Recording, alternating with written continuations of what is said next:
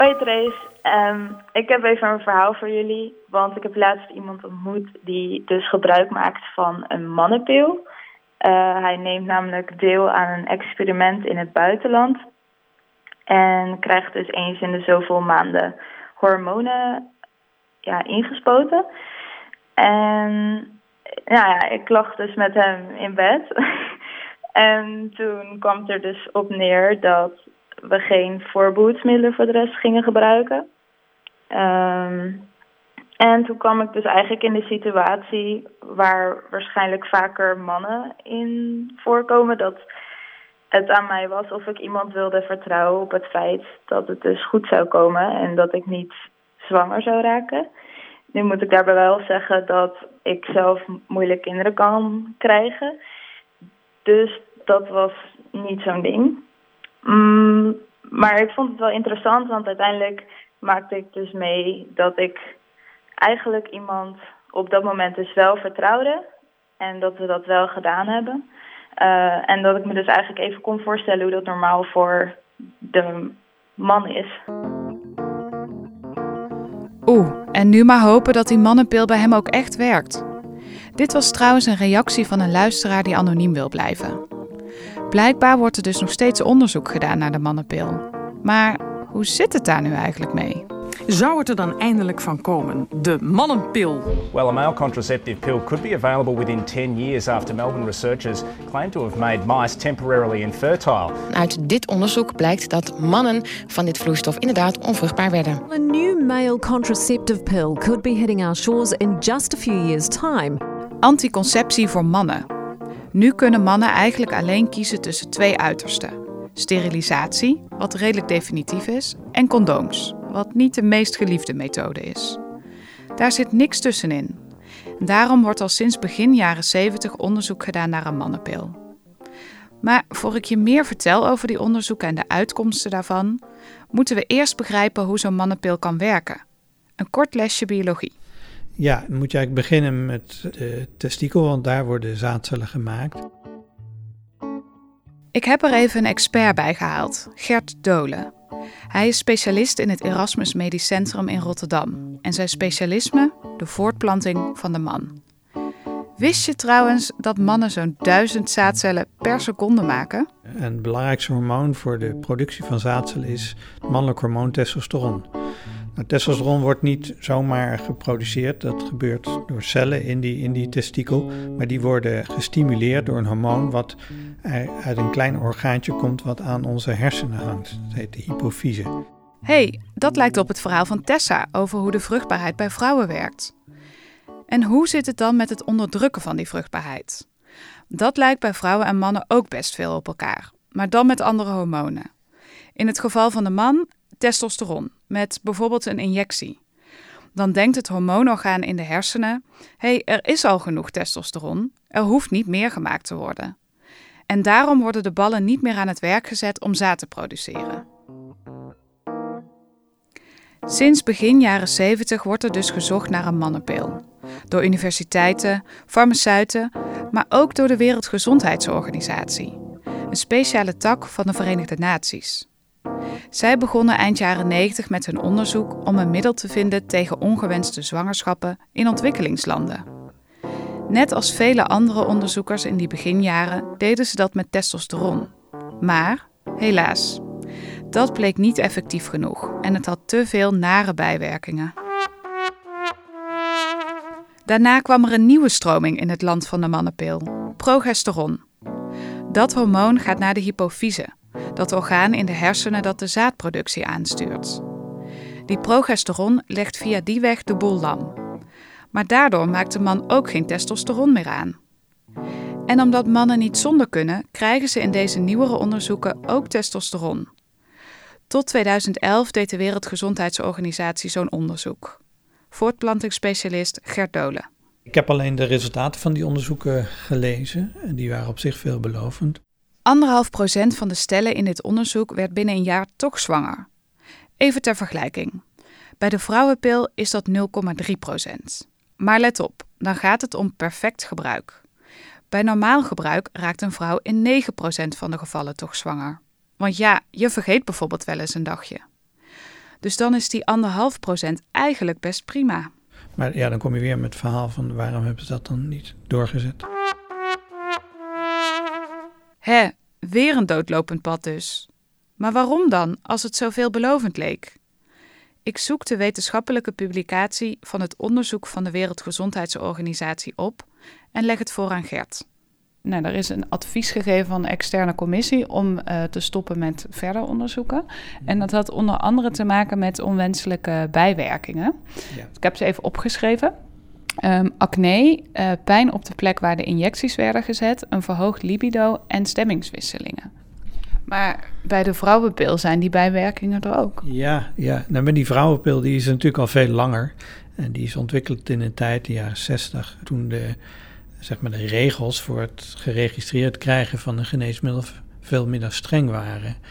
Ik heb me wel eens afgevraagd, als je nu vandaag de dag een vrouwenpil zou willen ontwikkelen, of het ook tot zo'n snel succes zou, zou leiden. Het zijn in feite dezelfde bijwerkingen als die vrouwen ook hebben die de pil gebruiken. De eisen voor nieuwe medicijnen zijn in de loop der jaren steeds strenger geworden.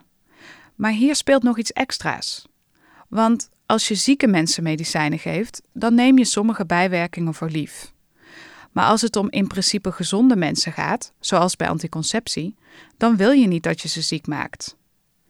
De Wereldgezondheidsorganisatie laat me trouwens nog weten gestopt te zijn met al het onderzoek naar de mannenpil.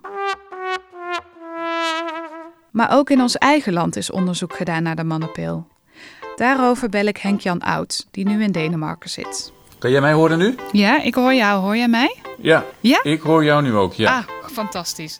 Henk-Jan werkte van 1992 tot 2012 bij Organon, een grote farmaceut in het Brabantse Os. Daar werden veel verschillende anticonceptiemiddelen bedacht en gemaakt. Henk Jan was eindverantwoordelijke voor het klinisch onderzoek en kreeg zo van dichtbij mee dat zijn collega's eind jaren 90 op zoek gingen naar een mannenpil. Iemand van binnenuit dus, die terugblikt op die tijd. Kun jij je nog herinneren wat voor soort mannen uh, zich vrijwillig aanmeldt voor een onderzoek naar een mannenpil? Ja, dat is een interessante vraag. We hadden geen enkel probleem uh, om die mannen in de trials te krijgen. Sterker zelfs, ze werden regelmatig gebeld op het moment dat dat in de media kwam dat je dus uh, met zo'n studie bezig was, regelmatig gebeld door mannen die vroegen waar loopt die studie, want ik wil graag meedoen. Daar, was zeker een hoop interesse in. Ik weet niet altijd of die interesse gebaseerd was op de idealistische motieven. Uh, om nu ook uh, een bijdrage te leveren aan de overbevolking in de wereld. Ik denk dat een heel, heel aantal mensen waren ook aangetrokken door het feit dat ze elke drie maanden een behoorlijke shot testosteron kregen. Deze zogenaamde mannenpil bestond uit een implantaat met het hormoon progesteron. En iedere drie maanden moesten de mannen terugkomen voor een injectie met testosteron. Dus dit onderzoek is uh, gekomen tot en met uh, fase 2, dus de, de, proof of concept fase. In een groep van uh, ruim 300 mannen hebben we een studie gedaan waarbij we een paar concentraties van het ene hormoon en ook een paar concentraties van het andere hormoon in, dus in die combinatie uh, gegeven hebben aan, aan mannen. En we hebben gekeken wat de effect daarvan is op de uh, zaadcelproductie. Dat is uitgebreid uh, getest, hebben we ook gepubliceerd en dat, dat werkt. Zou het nu dan wel lukken? Maar dan legt Henk Jan me uit dat na fase 2 natuurlijk fase 3 komt. En dat is een cruciale stap. Want in fase 3 wordt een hele grote groep gebruikers getest. En dat is duur. Dus dan komt de vraag: wil de farmaceut hier ook echt in investeren? Ja, dat waren lange discussies. Dit zijn van die typisch van die onderwerpen waarbij je van die voorstanders en tegenstanders hebt uh, binnen het bedrijf. Natuurlijk, wij, we hadden voorstanders, we vonden het ook allemaal fantastisch. Maar er waren ook wel tegenstanders die zeiden van ja, het concept wat we hier gaan testen is elk jaar een, een implantaat in de bovenarm bij een man. Plus elke drie maanden een eh, injectie eh, in de spieren. Gaat dat werkelijk uh, iets opleveren en gaan mannen werkelijk een dergelijk regime accepteren? En ja, dus de, de, de pessimisten in het bedrijf die wonnen. Te veel gedoe dus, deze vorm van mannenanticonceptie. Dat zagen de farmaceuten niet zitten. Maar er speelde volgens Henk Jan nog meer. Er was veel onrust, want de farmaceuten werden misschien overgenomen. En die nieuwe bedrijven hadden de mannenpil niet bovenaan hun lijstje staan. Omdat het gewoon heel risicovol is, uh, eerste plaats. En in de tweede plaats omdat het commercieel waarschijnlijk ook niet haalbaar uh, was. Ik vraag ook een officiële reactie van de farmaceut zelf. Organon bestaat niet meer en is overgenomen door het Amerikaanse MSD. In een mail zeggen die: In het kort komt het erop neer dat we hebben bewezen dat een anticonceptiemiddel voor de man kan werken. Maar we hebben geen gebruiksvriendelijke toedieningsvorm kunnen ontwikkelen. Ik was, ik was emotioneel was ik bij de voorstanders. Ik vond het ontzettend jammer dat we ermee stopten, maar ik begreep het wel. Dus als ik uiteindelijk uh, zelf die beslissingen in mijn eentje had moeten nemen, had ik zeker gezegd: laten we hiermee stoppen. Wat bij dit onderzoek gebeurde, gebeurt vaker. Alle onderzoeken die ik tegenkom blijven hangen in de eerste of tweede fase. Oftewel, onderzoeken met een grote groep, het echte testen en het vervolgens op de markt brengen, dat wordt niet gedaan. En volgens Henk Jan gaat dat ook nooit meer gebeuren, omdat er geen markt voor zou zijn. Ik, eh, puur commercieel gezien denk ik inderdaad dat de kans dat dit iets zou gaan worden eh, buitengewoon eh, klein zou zijn. Ik, ik geloof niet dat mannen hierop zitten te wachten. Ja, ja, mannen zitten er toch niet op te wachten. Maar is dat ook echt zo? In het panelgesprek van Volkan hoorden we bijvoorbeeld Amrit. Ik heb gezien dat meer dan de helft van de Nederlandse mannen bijvoorbeeld daar open voor staat. Uh, maar er gebeurt in de praktijk nog Ben je heel... daar één van? Ja, daar ben ik zeker wel één van. Ik bedoel, vooral in een relatie denk ik dat het goed is om dat te kunnen verdelen. Amrit heeft gelijk. Uit onderzoek blijkt dat 54% van de Nederlandse mannen open staat voor een mannenpil. De belangrijkste reden die ze geven? Het is rechtvaardiger als de vrouw niet alleen de last van anticonceptie hoeft te dragen.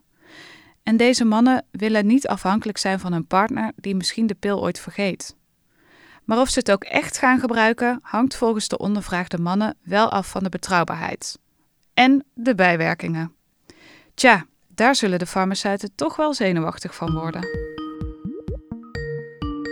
Gelukkig is nog niet alle hoop vervlogen, want er lopen nog steeds onderzoeken. Onder andere in Amerika. Ah, wait a minute, I hear something now. Hi there, Stephanie. This is Meike. Hello, how are you? Stephanie Page, professor aan de University of Washington. Al 17 jaar doet ze onderzoek naar de mannenpil. Ik vraag waarom die er volgens haar moet komen. Still 40% of pregnancies globally are unplanned. Uh, so there's clearly a need, especially for more contraceptives, especially in a setting where global population continues to grow rather out of control. And we have about 50% of the population that's really unable to be totally engaged in, in trying to solve that problem. Male contraceptives are really part of the future of solving these problems. Met haar team onderzoekt Stephanie nu drie vormen van de mannenpil: een injectie, een gel en een pil. Maar allemaal nog geen onderzoek met grote groepen mannen. Alles zit nog in fase 1 of 2. Terwijl ik wel een paar ronkende krantenkoppen tegenkwam over haar onderzoek. Uh, well, some of that probably came from people in my group. I mean, we continue to try and be optimistic. I try and be consistent in saying, setting expectations that uh, we think this is five to 10 years away. That may be on the optimistic side, but again, if we can get that sort of interest, and I think really that ultimately comes from the public, that timeline is realistic. It, it really just depends in part on the science and the results, and then ultimately in the investment. Interessant dat ze dus ook een mannenpil onderzoekt die ook echt een pil is. Zeker nu we weten dat eerdere onderzoeken zijn gestaakt omdat injecties en implantaten niet gebruiksvriendelijk zouden zijn. Er zijn wel eerder testosteronpillen ontwikkeld, maar dat veroorzaakte schade aan de lever. Om dat te voorkomen zou je die pil met de vette maaltijd in moeten nemen. Maar ja, om nou iedere avond of ochtend een dikke cheeseburger naar binnen te werken? Stephanie Page denkt nu een pil te hebben ontdekt die wel gewoon geslikt kan worden. Maar dan nog, het geld. Daar is ook zij afhankelijk van voor een groot fase 3 onderzoek. In the end, we will need a partner either in business or from large nonprofits in order to uh, do the large scale studies that will finally be needed to get a product on the market. Het enthousiasme van Stephanie werkt wel aanstekelijk. Misschien is er dan nu echt binnen tien jaar een mannenpil. Maar ja, ze is niet de eerste onderzoeker die dat zegt in de afgelopen 50 jaar. I mean, times change. So I think that, you know, when the female pill was introduced 60 years ago, no one would have predicted the the social uh, dynamics, the sexual dynamics, and the environmental dynamics that we have right now in the world. And so maybe the time wasn't right then, uh, but I firmly believe that ultimately men will be very interested in contraception. I think they already are. Van voortplantingsspecialist Gert Dolen leer ik trouwens nog waarom waarschijnlijk zoveel mannen zich vrijwillig aanmelden voor het onderzoek van Organon. Bodybuilders die gebruiken hele hoge doseringen testosteron. En dan krijg je een vrij sterke onderdrukking van je zaadproductie. Bodybuilders. We zien regelmatig op het spreekuur stellen die kinderwens hebben waarbij het niet lukt en waarbij de man uh, enige tijd anabolen heeft gebruikt. En dan kan het best een hele tijd duren voordat die uh, productie van zaadcellen weer goed op gang komt. Eigenlijk zitten bodybuilders dus al aan de mannenpil. Ja, maar het heeft zeker risico's. En uh, ja, met name trombose en, en, en, invloed op je hart en, en, je bloedvaten. Dat zijn toch dingen die je niet moet willen. Dus dat kan je alleen maar negatief over adviseren. Stiekem wordt hij dus eigenlijk al gebruikt. Bodybuilders zitten blijkbaar al jaren aan de mannenpil, met alle bijwerkingen van dien. En ik ben benieuwd, wat denk jij? Gaat die mannenpil er ooit komen? Reageer nu in de Trace-app. Bedankt!